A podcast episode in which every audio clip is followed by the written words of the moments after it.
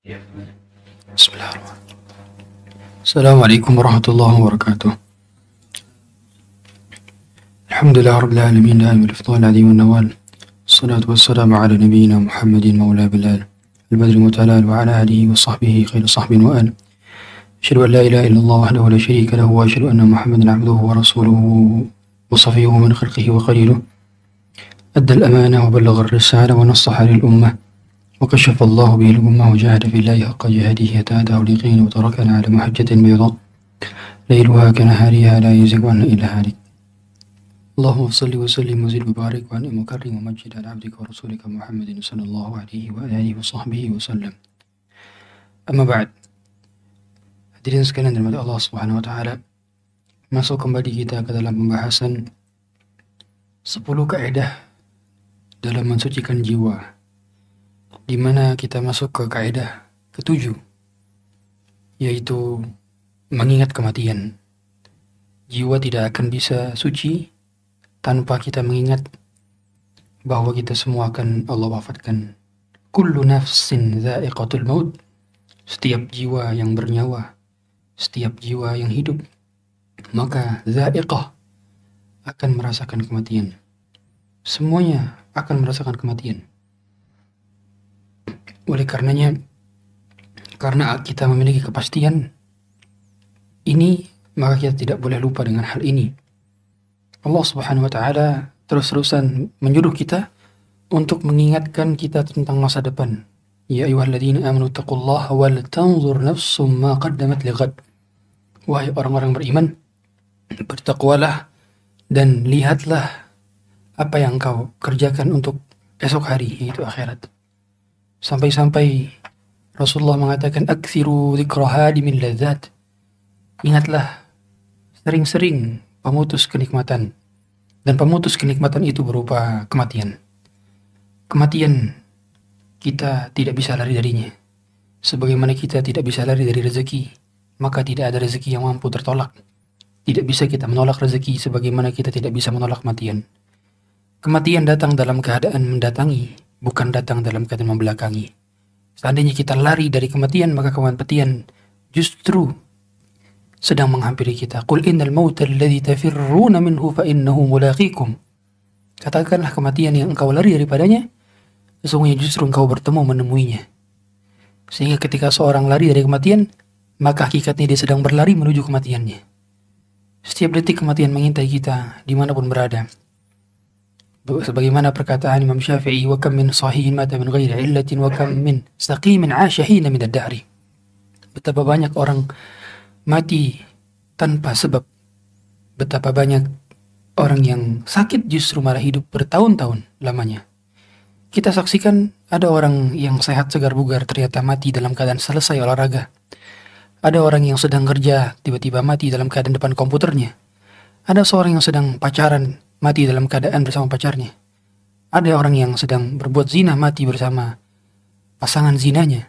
Ada seorang yang sedang berkendara mati sedang berkendara. Ada orang sedang baca Quran mati baca Quran.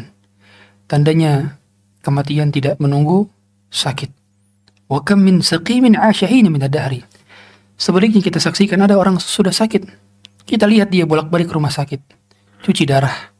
Kita lihat dia lumpuh, tidak mampu bergerak. Kita lihat dia makan saja harus pakai selang. Kita lihat dia berada di kursi rodanya. Kita lihat dia bernafas saja butuh pakai alat. Tapi sampai sekarang bertahun-tahun lamanya dia sakit, masih hidup juga. Tandanya kematian tidak hanya memanggil orang yang sakit. Tandanya sehat bukan tanda bahwa dia akan hidup selamanya. Dan sakit bukan tanda bahwa dia akan segera mati. Amsa wa asbaha dhahikan wa akfanuhu nusijat wa huwa la yadri. Betapa banyak para pemuda amsa wa asbaha dhahikan. Pagi dan sorenya dia tertawa. Wa akfanuhu nusijat wa huwa la yadri. Sedangkan kain kafannya sedang ditenun untuknya sedangkan dia tidak mengetahuinya.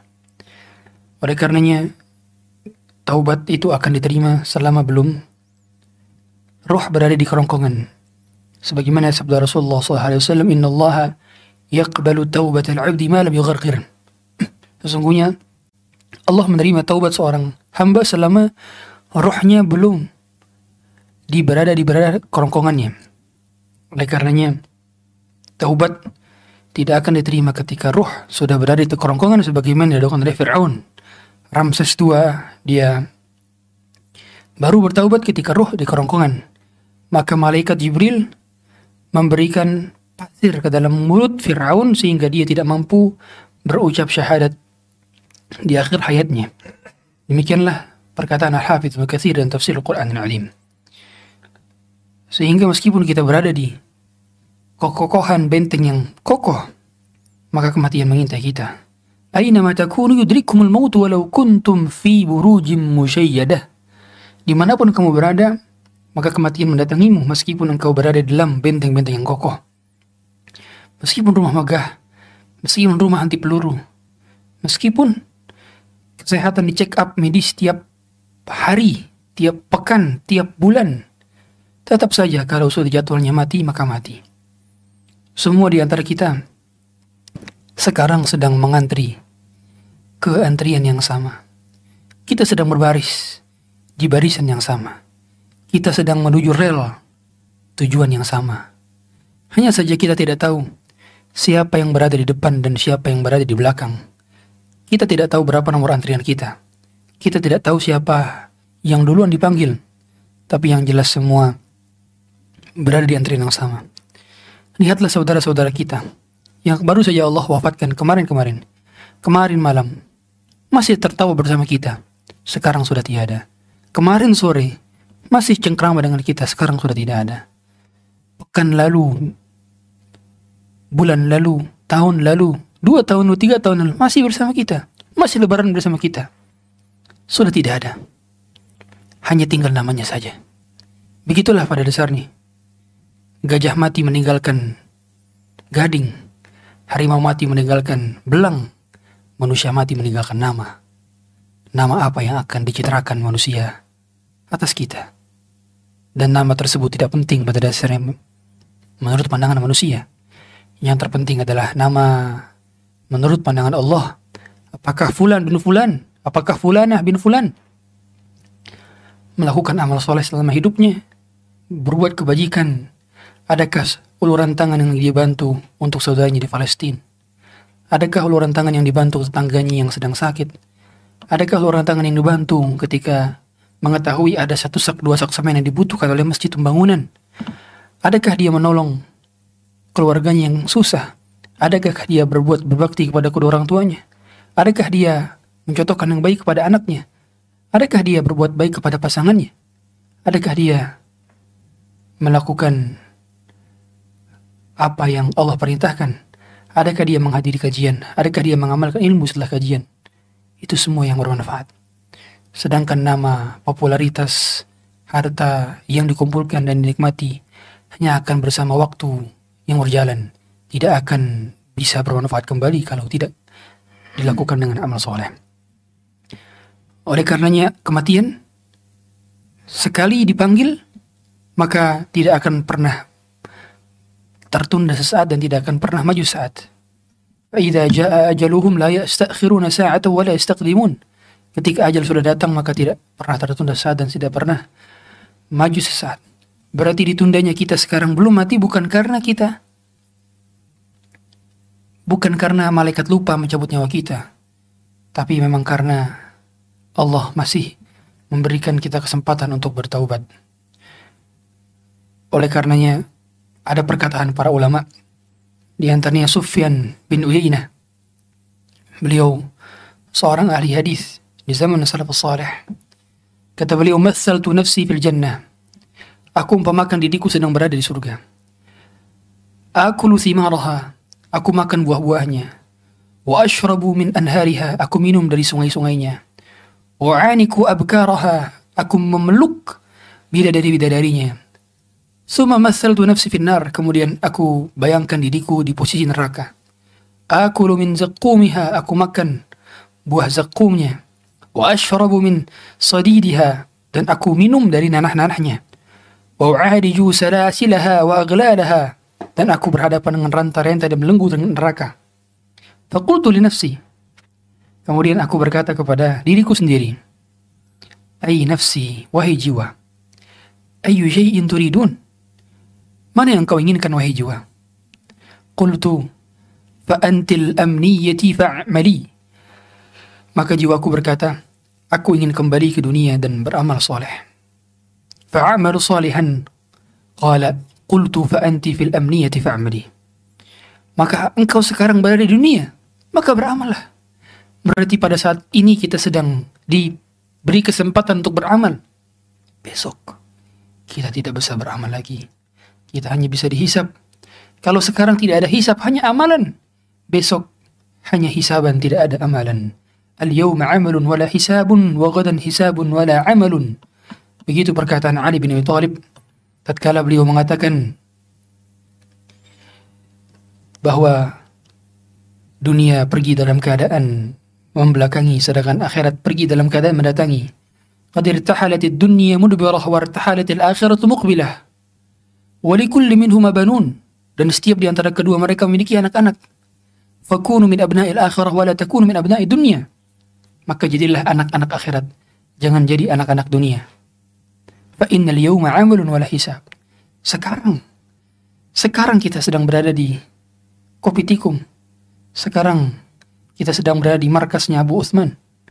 Sekarang, sekarang waktunya Anda dan saya beramal. Sekarang waktunya semua beramal. Karena sekarang tidak ada hisap. Tidak ada malaikat yang menghisap kita. Tidak ada timbangan yang menghisap kita sekarang. Nanti, nanti. Jangan sampai kita menyesal ketika melihat catatan amal kita. Ma hadal kitab la yugadir saghiratan wala kabiratan illa ahsaha.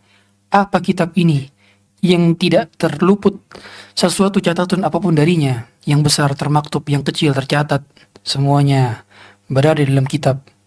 Maka jiwa, wahai jiwa-jiwa yang tenang, beramalah sekarang sekarang beramal anda sudah beramal kemarin biarlah itu menjadi catatan kemarin hari ini beramal kalau kita tidur dalam keadaan hari ini belum beramal, maka beramallah. Sebagaimana Rasulullah SAW, beliau pernah selepas sholat asar tidak langsung berzikir, tapi langsung bangkit menuju kamarnya, menuju rumahnya, kemudian mengambil sebagian perhiasan dan sedekahkannya. Ketika ditanya, mengapa engkau begitu cepat-cepat ya Rasulullah? Aku teringat bahwa ada hartaku yang belum aku sedekahkan hari ini. Begitulah seorang yang memiliki visioner, dia paham bahwa belum tentu besok bisa hidup lagi. Dan semua orang yang meninggal, mereka selalu menyangka bahwa matahari besok akan mereka lihat lagi. Semua orang yang meninggal. Semua orang yang meninggal menyangka bahwa besok mereka masih hirup udara. Semua orang yang meninggal menyangka bahwa besok mereka akan bercengkrama dengan anaknya, akan memeluk anaknya, akan bersama suami dan pasangannya, akan menikmati hidangan-hidangan, akan jalan-jalan ke tempat yang mereka senangi. Ternyata itu adalah angan-angan dan memang angan-angan manusia selalu melebihi ajalnya. Makanya wajar saja Rasulullah SAW pernah menggambar persegi empat sama sisi. Murabba' sebagaimana kata Abdullah bin Abbas. Kemudian beliau menggariskan satu garis hingga garis tersebut keluar sampai kotak tersebut. Ketika ditanya apa maksud itu, maka Rasulullah menjawab bahwa kotak tersebut adalah bentuk daripada umur manusia. Sedangkan garis yang sampai melewati kotak tersebut, yang melewati kotak ini adalah angan-angan manusia. Dan memang keinginan kita selalu melebihi ekspektasi kita. Keinginan kita seringnya melebihi apa yang menjadi realita kita. Lihatlah dan tanyakanlah kepada orang-orang yang sudah meninggal dunia. Umumnya, banyak sekali kita dapati bahwa orang yang meninggal dunia pasti semalamnya menginginkan besok saya demikian. Nanti saya demikian. Nanti saya bangun rumah, nanti, nanti, nanti.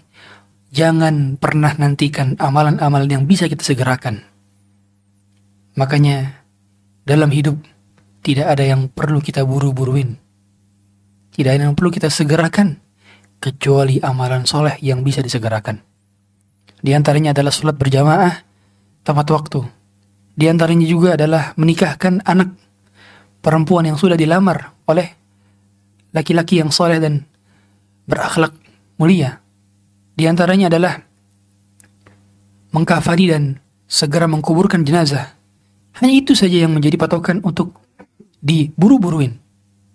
Dari amalan-amalan soleh, berarti setiap amalan soleh yang mampu kita melakukannya maka jangan ditunda.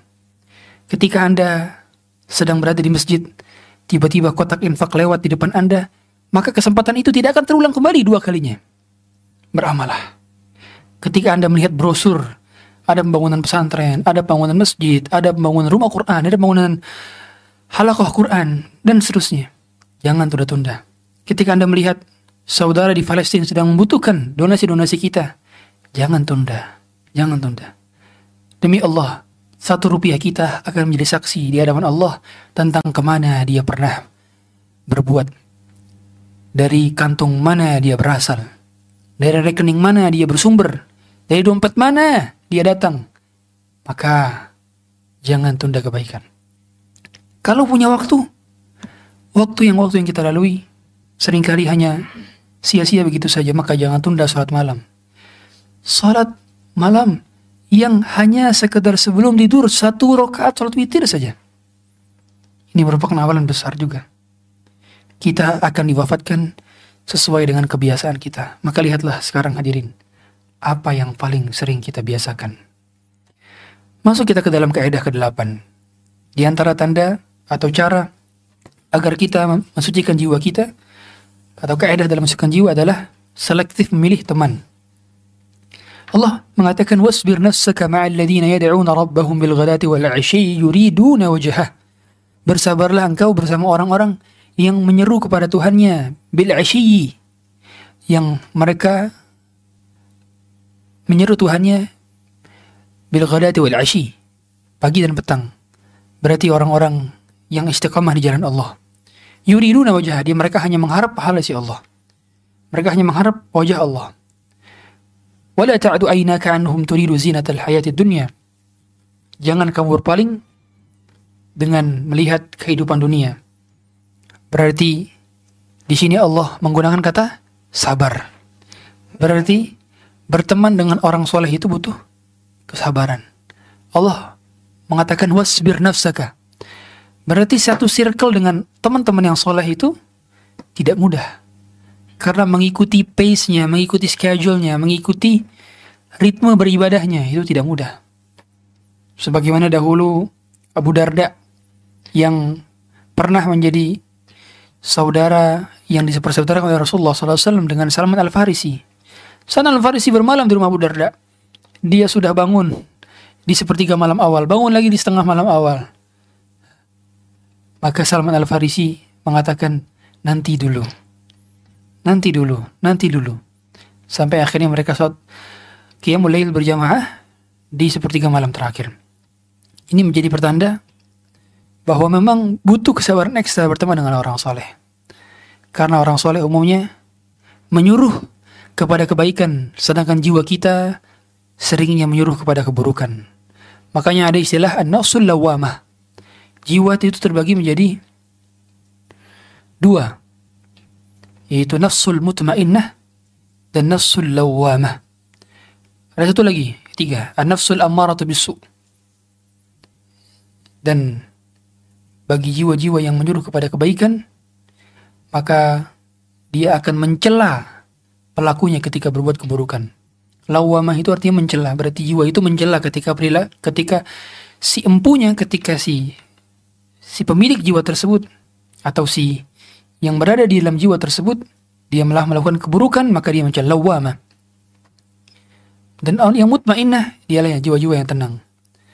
Berarti ada ketenangan dalam berteman dengan orang-orang dan berkawan dengan orang soleh sebagaimana kata Syekh Abdurrahman Sa'di kata beliau dalam ayat tersebut ketika beliau menafsirkan fafiha al-amru bi suhbatil akhyar perintah untuk berkawan dengan orang-orang terbaik dan pilihan saya di antara doa-doa yang saya panjatkan kepada Allah adalah Ya Allah, pertemukan aku dengan orang-orang terbaik menurut pilihanmu. Itu di antara doa saya. Sehingga ketika saya berkenalan dengan Anda, semoga Anda bagian daripada terijabahnya doa saya. Berarti semoga saja kita semua termasuk bagian daripada orang-orang terbaik menurut pilihan Allah Subhanahu wa taala. Oleh karenanya perintah untuk berteman dengan dan berkawan dengan orang soleh menjadikan Rasulullah SAW menyuruh para sahabatnya untuk hijrah, hijrah ke Madinah. Dikarenakan tempat itu mempengaruhi dan kawan itu mempengaruhi.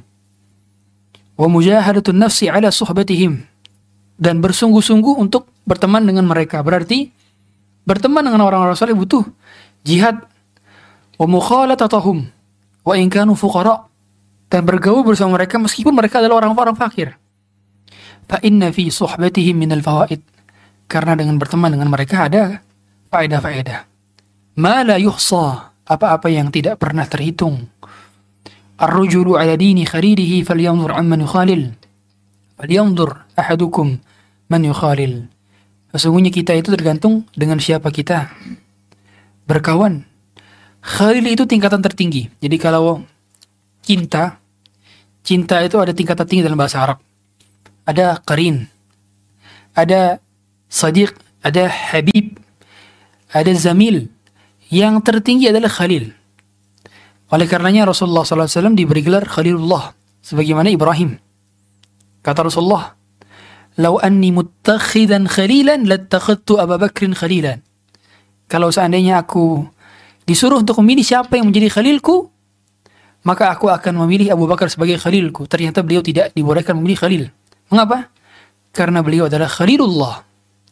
Beliau khalilnya adalah Allah Subhanahu wa taala. Maka siapa yang menjadi khalil? Khalil itu tem khullah ada tiga tingkatan tertinggi dalam cinta yang mana dia menggunakan seluruh tubuh untuk untuk mengungkapkan cintanya. Itu khalil dan khullah. Orang yang sudah mencintai maka umumnya dia akan mengerahkan segala macam energi yang dimilikinya untuk diberikan kepada orang yang cintainya. Seandainya nyawanya diberikan maka dia akan memberikannya. Itulah khalil. Ternyata kita tergantung apa yang kita cintakan Lihatlah apa obsesi kita. Lihatlah apa yang disenangi oleh kita. Oleh karenanya, ketika Ibnu Mas'ud berkata, "I'tabirun nasa bi danihim." Nilailah manusia dengan sahabat dekatnya. Jadi cara kita melihat ini orang seperti apa, maka cukup dengan lihat circle-nya. Begitu kata Abdullah bin Mas'ud. Dikarenakan circle kita menentukan juga isi hati kita. Fa innal mar'a la yukhadinu illa man yu'jibuhu. Menarik perkataan beliau. Karena seorang sahabat itu tidaklah bersahabat kecuali dengan orang yang dikaguminya. Umumnya berarti orang itu mau berteman dengan orang yang dia kagumi. Dan orang yang dikagumi berarti menunjukkan bahwa dia berobsesi untuk menjadi seperti dia. Makanya kawan kita menentukan diri kita. Oleh karenanya wajar Rasulullah SAW mengatakan innamal innama mathalul jalis salih wal jalis su kahamil miski wa nafikhil kir. Sesungguhnya perumpamaan teman yang baik dan teman yang buruk seperti pandai besi dan penjual minyak wangi. Kalau orang penjual minyak wangi, maka mau tidak mau dia memberikan wangi untuknya atau dia mendapatkan hadiah berupa minyak wangi. Sebagaimana Abu Usman. Saya berteman dengan ownernya Abu Uthman, saya dikasih bukhur. Saya dikasih parfum. Karena penjual minyak wangi. Seandainya saya berteman dengan Fulan bin Fulan yang pandai besi, maka saya hanya mendapatkan karatnya saja.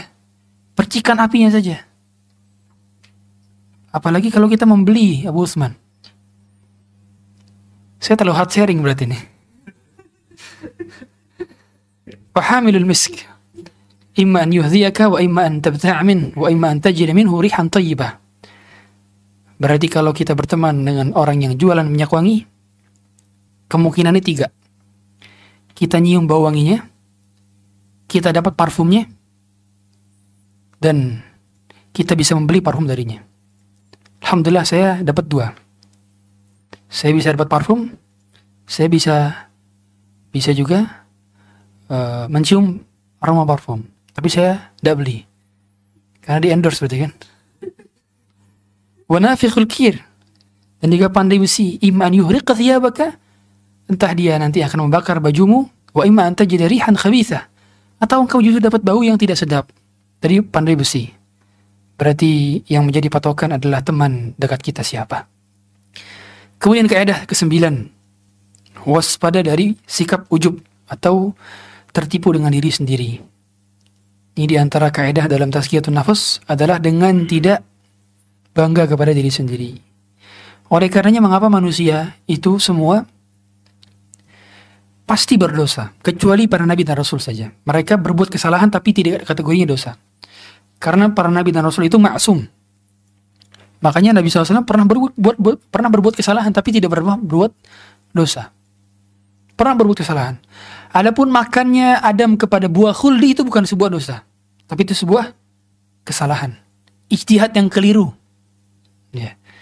Begitu kata para ulama. Karena seluruh Nabi dan Rasul, al-anbiya ma'sumun minal kabair. Ini kesempatan para ulama. Dan ma'sumun minas sagair. Tapi ini adalah perkataan jumhur ulama. Sehingga ada ulama yang mengatakan para nabi tidak terlepas dari dosa kecil ada juga. Tapi saya merujuk pada pendapat jumhur ulama bahwa para nabi terbebas daripada dosa besar dan dosa kecil. Tapi mereka tidak terbebas daripada ijtihad yang keliru. Makanya Nabi SAW pernah ditegur oleh Allah Subhanahu Wa Taala ketika beliau berpaling wajahnya dari Abdullah bin Umi Maktum. Beliau juga pernah ditegur oleh Allah Subhanahu Wa Taala ketika beliau mengharamkan madu.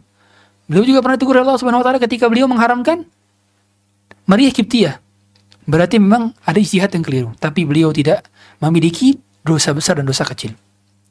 Mengapa kita sebagai manusia yang biasa diberikan kesempatan untuk berbuat dosa dan kita pasti berdosa?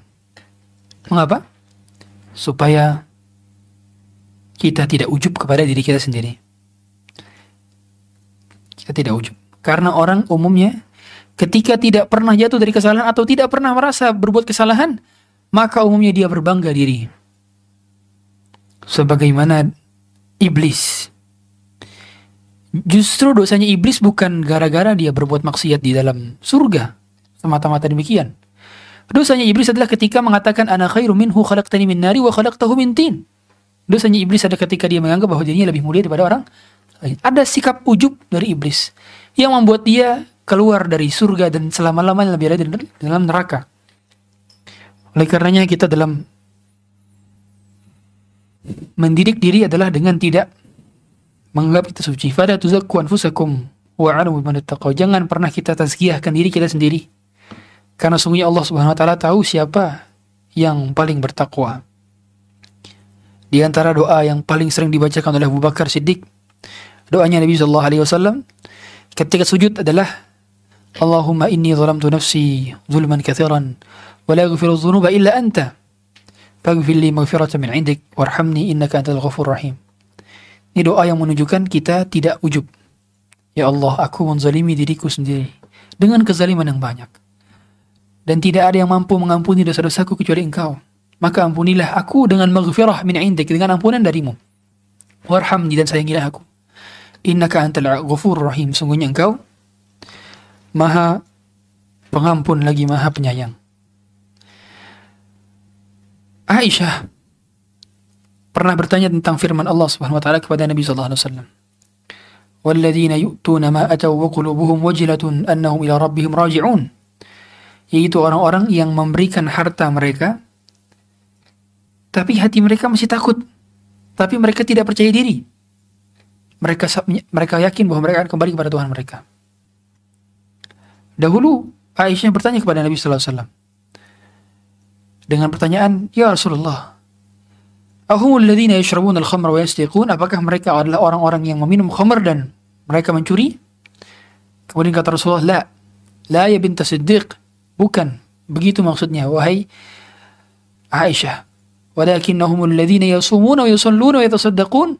Tapi mereka adalah orang yang berpuasa, mereka salat, mereka mereka juga bersedekah. Wahum yakhafuna an la tuqbala minhum tapi mereka khawatir mereka tidak diterima pahalanya. Berarti justru di antara sikap orang beriman harus khauf. Harus tidak pede dengan amalnya sendiri. Jadi antara amalan yang buruk adalah percaya diri dengan amalnya sendiri. Percaya bahwa amalnya sudah banyak, percaya bahwa dia akan masuk surga, percaya bahwa semua dosa-dosanya akan dengan begitu cepat diampuni begitu saja. Dengan menyangka bahwa dia berbuat dosa, nggak apa-apa, nanti juga Allah akan ampuni. Justru ini adalah sebuah keliru. Betul kita tidak boleh putus dari rahmat Allah, betul. Tapi jangan sampai justru menjadi kan kita orang-orang yang meremehkan dosa. Meremehkan dosa. Ini tidak dibenarkan. Oleh karena itu, Abdullah bin Abu Mulaikah, salah seorang dari tabi'in pernah berkata, "Adraktu 30 min ashabi Nabi sallallahu alaihi wasallam, kulluhum yakhafuna an-nifaq 'ala nafsihi." Aku berjumpa dengan 30 sahabat Nabi kata beliau, sahabat tabi'in. Kata beliau, dan aku mendapati semua mereka takut kepada sifat munafik. Padahal sahabat Nabi itu adalah orang-orang mulia, tapi mereka takut di antara mereka ada yang memiliki sifat munafik. Sampai Hasan Al-Basri berkata, "Innal mu'min jama' ihsanan wa syafaqatan wa innal munafik jama' isa'atan wa amnan." Seorang mukmin itu mengumpulkan antara perbuatan baik dengan sikap hati-hati. Sedangkan orang munafik mengumpulkan antara perbuatan buruk dan rasa aman. Berarti orang mukmin sifatnya adalah dia berbuat baik dan dia khawatir terhadap amalnya. Sedangkan orang munafik kebalikan ya dia berbuat buruk tapi justru dia merasa aman, dia tidak merasa khawatir. Lihatlah diri kita. Apakah kita khawatir terhadap amal-amalan kita atau justru malah merasa aman dengan perbuatan-perbuatan kita, kemaksiatan kita? Maka orang mukmin dan munafik dilihat dari perasaan khawatirnya dan dilihat dari perasaan amannya. Oleh karenanya orang-orang yang takut karena Allah Subhanahu wa taala dipuji oleh Allah dengan disebutkan dalam Quran innal min khasyati rabbihim mushfiqun yaitu mereka yang takut kepada Tuhannya makanya di antara sifat orang penghuni surga adalah inna kunna qablu fi ahlina mushfiqin dahulu kami takut takut kami takut diadab oleh Allah inna kunna qablu fi ahlina mushfiqin famanna Allahu aina wa waqana 'adab as-samum kemudian Allah memberikan kepada kita surga dan menjauhkan kita dari neraka. Berbeda dengan sifat orang penduduk neraka. Dahulunya mereka bahagia. Dahulunya mereka senda gurau, sukacita. Tidak sama sekali takut terhadap azab Allah. Maka mereka merasakan azab Allah yang begitu luar biasa. Kemudian masuk kita ke dalam kaidah ke-10 dan ini adalah kaidah terakhir dalam bahasan di kitab ini itu 10 kaidah penyuci jiwa dari karya Syekh Abdul Razak bin Abdul Muhsin Al-Badr. Hafizahullah Ta'ala. Yaitu mengenali hakikat jiwa. Di antara keharusan dalam mensucikan jiwa adalah mengenali hakikat jiwa. Jadi kita harus mengetahui jiwa ini terbagi menjadi tiga sifat. Yang pertama an-nafsul mutmainnah. Apa itu an-nafsul mutmainnah? An-nafsul mutmainnah adalah jiwa yang mantap dengan keimanan dia yakin dengan keimanan, mengingat Allah Ta'ala, beribadah. Ini masuk ke dalam ayat alladzina amanu wa tatma'innu qulubuhum li dzikrillah. Ala bi dzikrillah tatma'innul qulub. Orang-orang yang beriman dan tenang hatinya dengan zikir kepada Allah. Sesungguhnya hanya dengan zikir kepada Allah hati menjadi tenang. Dengan mengingat Allah. Mengingat Allah itu dimasukkan ke dalam semua jenis ibadah. Dan kita tahu semua ibadah. Apa definisi ibadah? Sebagaimana kata Syekhul Islam bin Taimiyah, ismun jami'un lima yuhibbuhu Allah wa yarda min qawlin aw amalin min al-aqwali wal a'mal al-zahirah wal batinah. Itu di antara definisi ibadah. Sehingga apa pun segala apa pun aktivitas yang mendatangkan keriduan dari Allah Subhanahu wa taala dari perkataan dan perbuatan dan zahir maupun batin itu ibadah. Jadi ibadah ternyata tidak terbatas pada sholat, puasa, haji, sedekah, umroh. Tidak. Tapi segala macam yang mendatangkan keriduan dari Allah Subhanahu wa taala. Dan tentu syarat diterima ibadah harus dua. Yang pertama adalah ittiba, yang kedua adalah ikhlas. Yang pertama adalah sesuai dengan sunnah Nabi SAW. Yang kedua adalah ikhlas. Sehingga ketika kita melakukan amalan yang tidak sesuai dengan anjuran Nabi, tidak sesuai dengan perintah Nabi tidak sesuai dengan sunnah Nabi maka dia akan tertolak. Sebagaimana sabda Rasulullah SAW bahwa seluruh amalan akan tertolak kalau tidak berdasarkan ajaran dari Nabi Sallallahu Alaihi Wasallam. Laisa alaihi amruna fahuwa raddun. Kan begitu. Kemudian yang kedua adalah jenis nafsul lawamah. Nafsul lawamah. Jenis nafsul lawamah adalah jiwa yang mencela pemiliknya ketika dia melakukan dosa. Sehingga Allah Subhanahu wa taala bersumpah dalam surah Al-Qiyamah, "Wala uqsimu bin nafsil lawamah." Aku bersumpah dengan jiwa yang menyesali dirinya sendiri. Oleh karenanya umumnya kalau jiwa yang masih memiliki sensitivitas selesai dia melakukan dosa maka ada rasa penyesalan dari dirinya. Dan ketika seorang melakukan dosa dan ada penyesalan berarti nafsu lawamanya itu aktif. Berarti dia masih berada dalam fitrahnya. Ketika seorang sudah melakukan dosa dan dia tidak sama sekali menyesal atas perbuatan dosanya, nggak gelisah, nggak gundah, nggak kefikiran, berarti nasul lawamahnya telah hilang, telah mati, dan itu kategorinya adalah ran. Ran dalam Quran yang disebutkan kalabal ran ala qulubihim ma kanu yaksibun. Itu ran di situ hasil daripada nuktah-nuktah hitam yang berada di dalam hatinya karena dia tidak beristighfar atas setiap dosa-dosanya. Innal abda idza aznaba dzamban atau innal abda idza akhta khati'atan nukitat fi qalbihi nuqtatun sauda. Sesungguhnya hamba ketika dia berbuat dosa maka dituliskan nokta hitam dalam dirinya. Fa idza huwa naza'a wastaghfara wa tab suqila qalbuhu wa in 'ada zida fiha. Kalau dia bertaubat, dia beristighfar, maka dicabut nokta hitam tersebut. Ketika dia mengulangnya kembali maka ditambahkan lagi nokta hitamnya dan itu akan menjadi ran ketika semua sudah menghitam ran maka ran ini menjadikan manusia sudah tidak bisa lagi membedakan yang mana yang baik yang mana yang buruk. Ran kalau hati sudah menghitam maka dia sudah tidak bisa lagi membedakan yang baik yang mana yang buruk. Fitrahnya telah hilang. Oleh karena itu di antara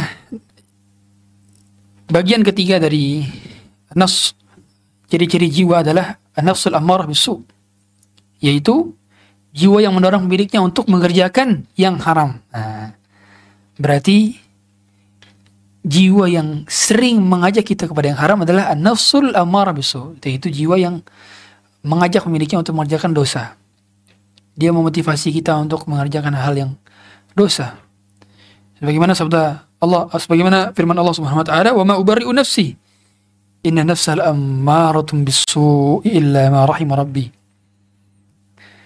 Jadi jiwa yang yang yang selalu menjuluh kepada kejahatan itulah yang dicela.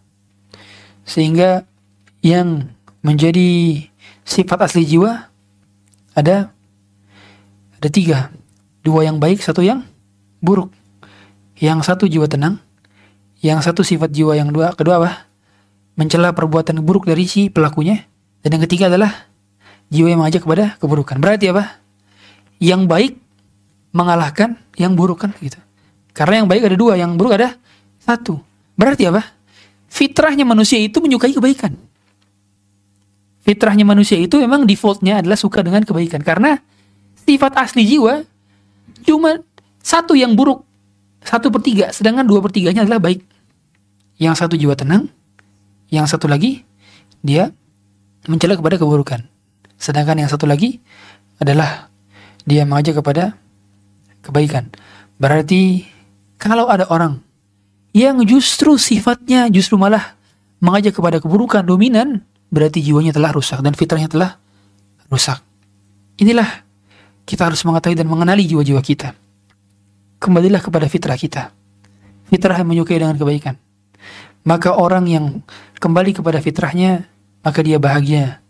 Karena memang pada dasarnya kita pernah, semua kita pernah mengambil perjanjian dari Allah Subhanahu wa taala ketika Allah mengatakan alastu bi rabbikum Akukah Tuhan kalian? Qalu bala syahidna. Kita mengatakan, ya betul, Allah betul. Engkau adalah Tuhan Tuhan kami. Jadi kita pernah mengambil perjanjian di zaman azali bersama Allah Subhanahu wa taala. Tapi kita lupa. Kita lupa kita pernah berbuat demikian. Maka janganlah lupa kembali ketika sudah diingatkan dengan dengan dalil-dalil yang sahih. Hadirin sekalian dirahmati Allah Subhanahu wa taala. Sehingga ke-10 kaidah ini ini membutuhkan kesabaran untuk melatihnya. Membutuhkan pengulangan. Dan tazkiyatun nufus itu bukan teori. Bukan teori. Kita belajar ini bukan sekedar menghafal teori, membaca bukan. Orang yang memiliki akhlak yang baik, jiwa yang tenang, mau memaafkan, mau meminta maaf, dia mau mengakui kesalahannya, dia senyum kepada kaum muslimin, dia berbuat baik kepada kaum muslimin. Ini adalah sifat-sifat yang perlu dilatih, perlu dilatih. Oleh karenanya berapapun kita khatam kitab ini kalau tidak kita amalkan maka tidak akan bermanfaat. Bermanfaat. Dan jiwa-jiwa tersebut selalu mendapati rintangan-rintangan dan rintangan itu terkadang datang dari diri kita dan datang dari syaitan. Makanya di antara doa kita pada saat zikir pagi petang adalah A'udzubika min syarri nafsi. Aku berlindung dari keburukan jiwaku. Berarti jiwa memang seringnya juga mengajak kepada keburukan. Hadirin sekalian dirahmati Allah Subhanahu wa taala. Jiwa membutuhkan perbekalan menuju kembali kepada fitrahnya. Maka tidak lain tidak bukan kecuali harus kita mohon mohon pertolongan kepada Allah Subhanahu wa taala agar Allah mensucikan hati-hati kita. Dan dengan begitu selesai kita membahas kaedah-kaedah dalam penyucian jiwa. Semoga ini menjadi makanan bagi roh kita, menjadi penegak bagi roh kita. Karena roh kita diberi makan dengan ilmu, sedangkan jasad hanya diberi makan dengan karbohidrat, protein, dan vitamin saja. Sedangkan roh membutuhkan ilmu dan pengamalan dari yang punya. Demikian mungkin dapat kami sampaikan. Kurang lebihnya mohon maaf. Yang benar datang dari Allah, yang salah datang dari kami pribadi. Semoga ada manfaatnya. Kita tutup dengan kafaratul majlis. Subhanakallah wa bihamdik. Asyhadu an la ilaha illa anta astaghfiruka wa atubu Sallallahu alaihi wa Muhammadin wa ala alihi wa sahbihi wa sallam. Assalamualaikum warahmatullahi wabarakatuh.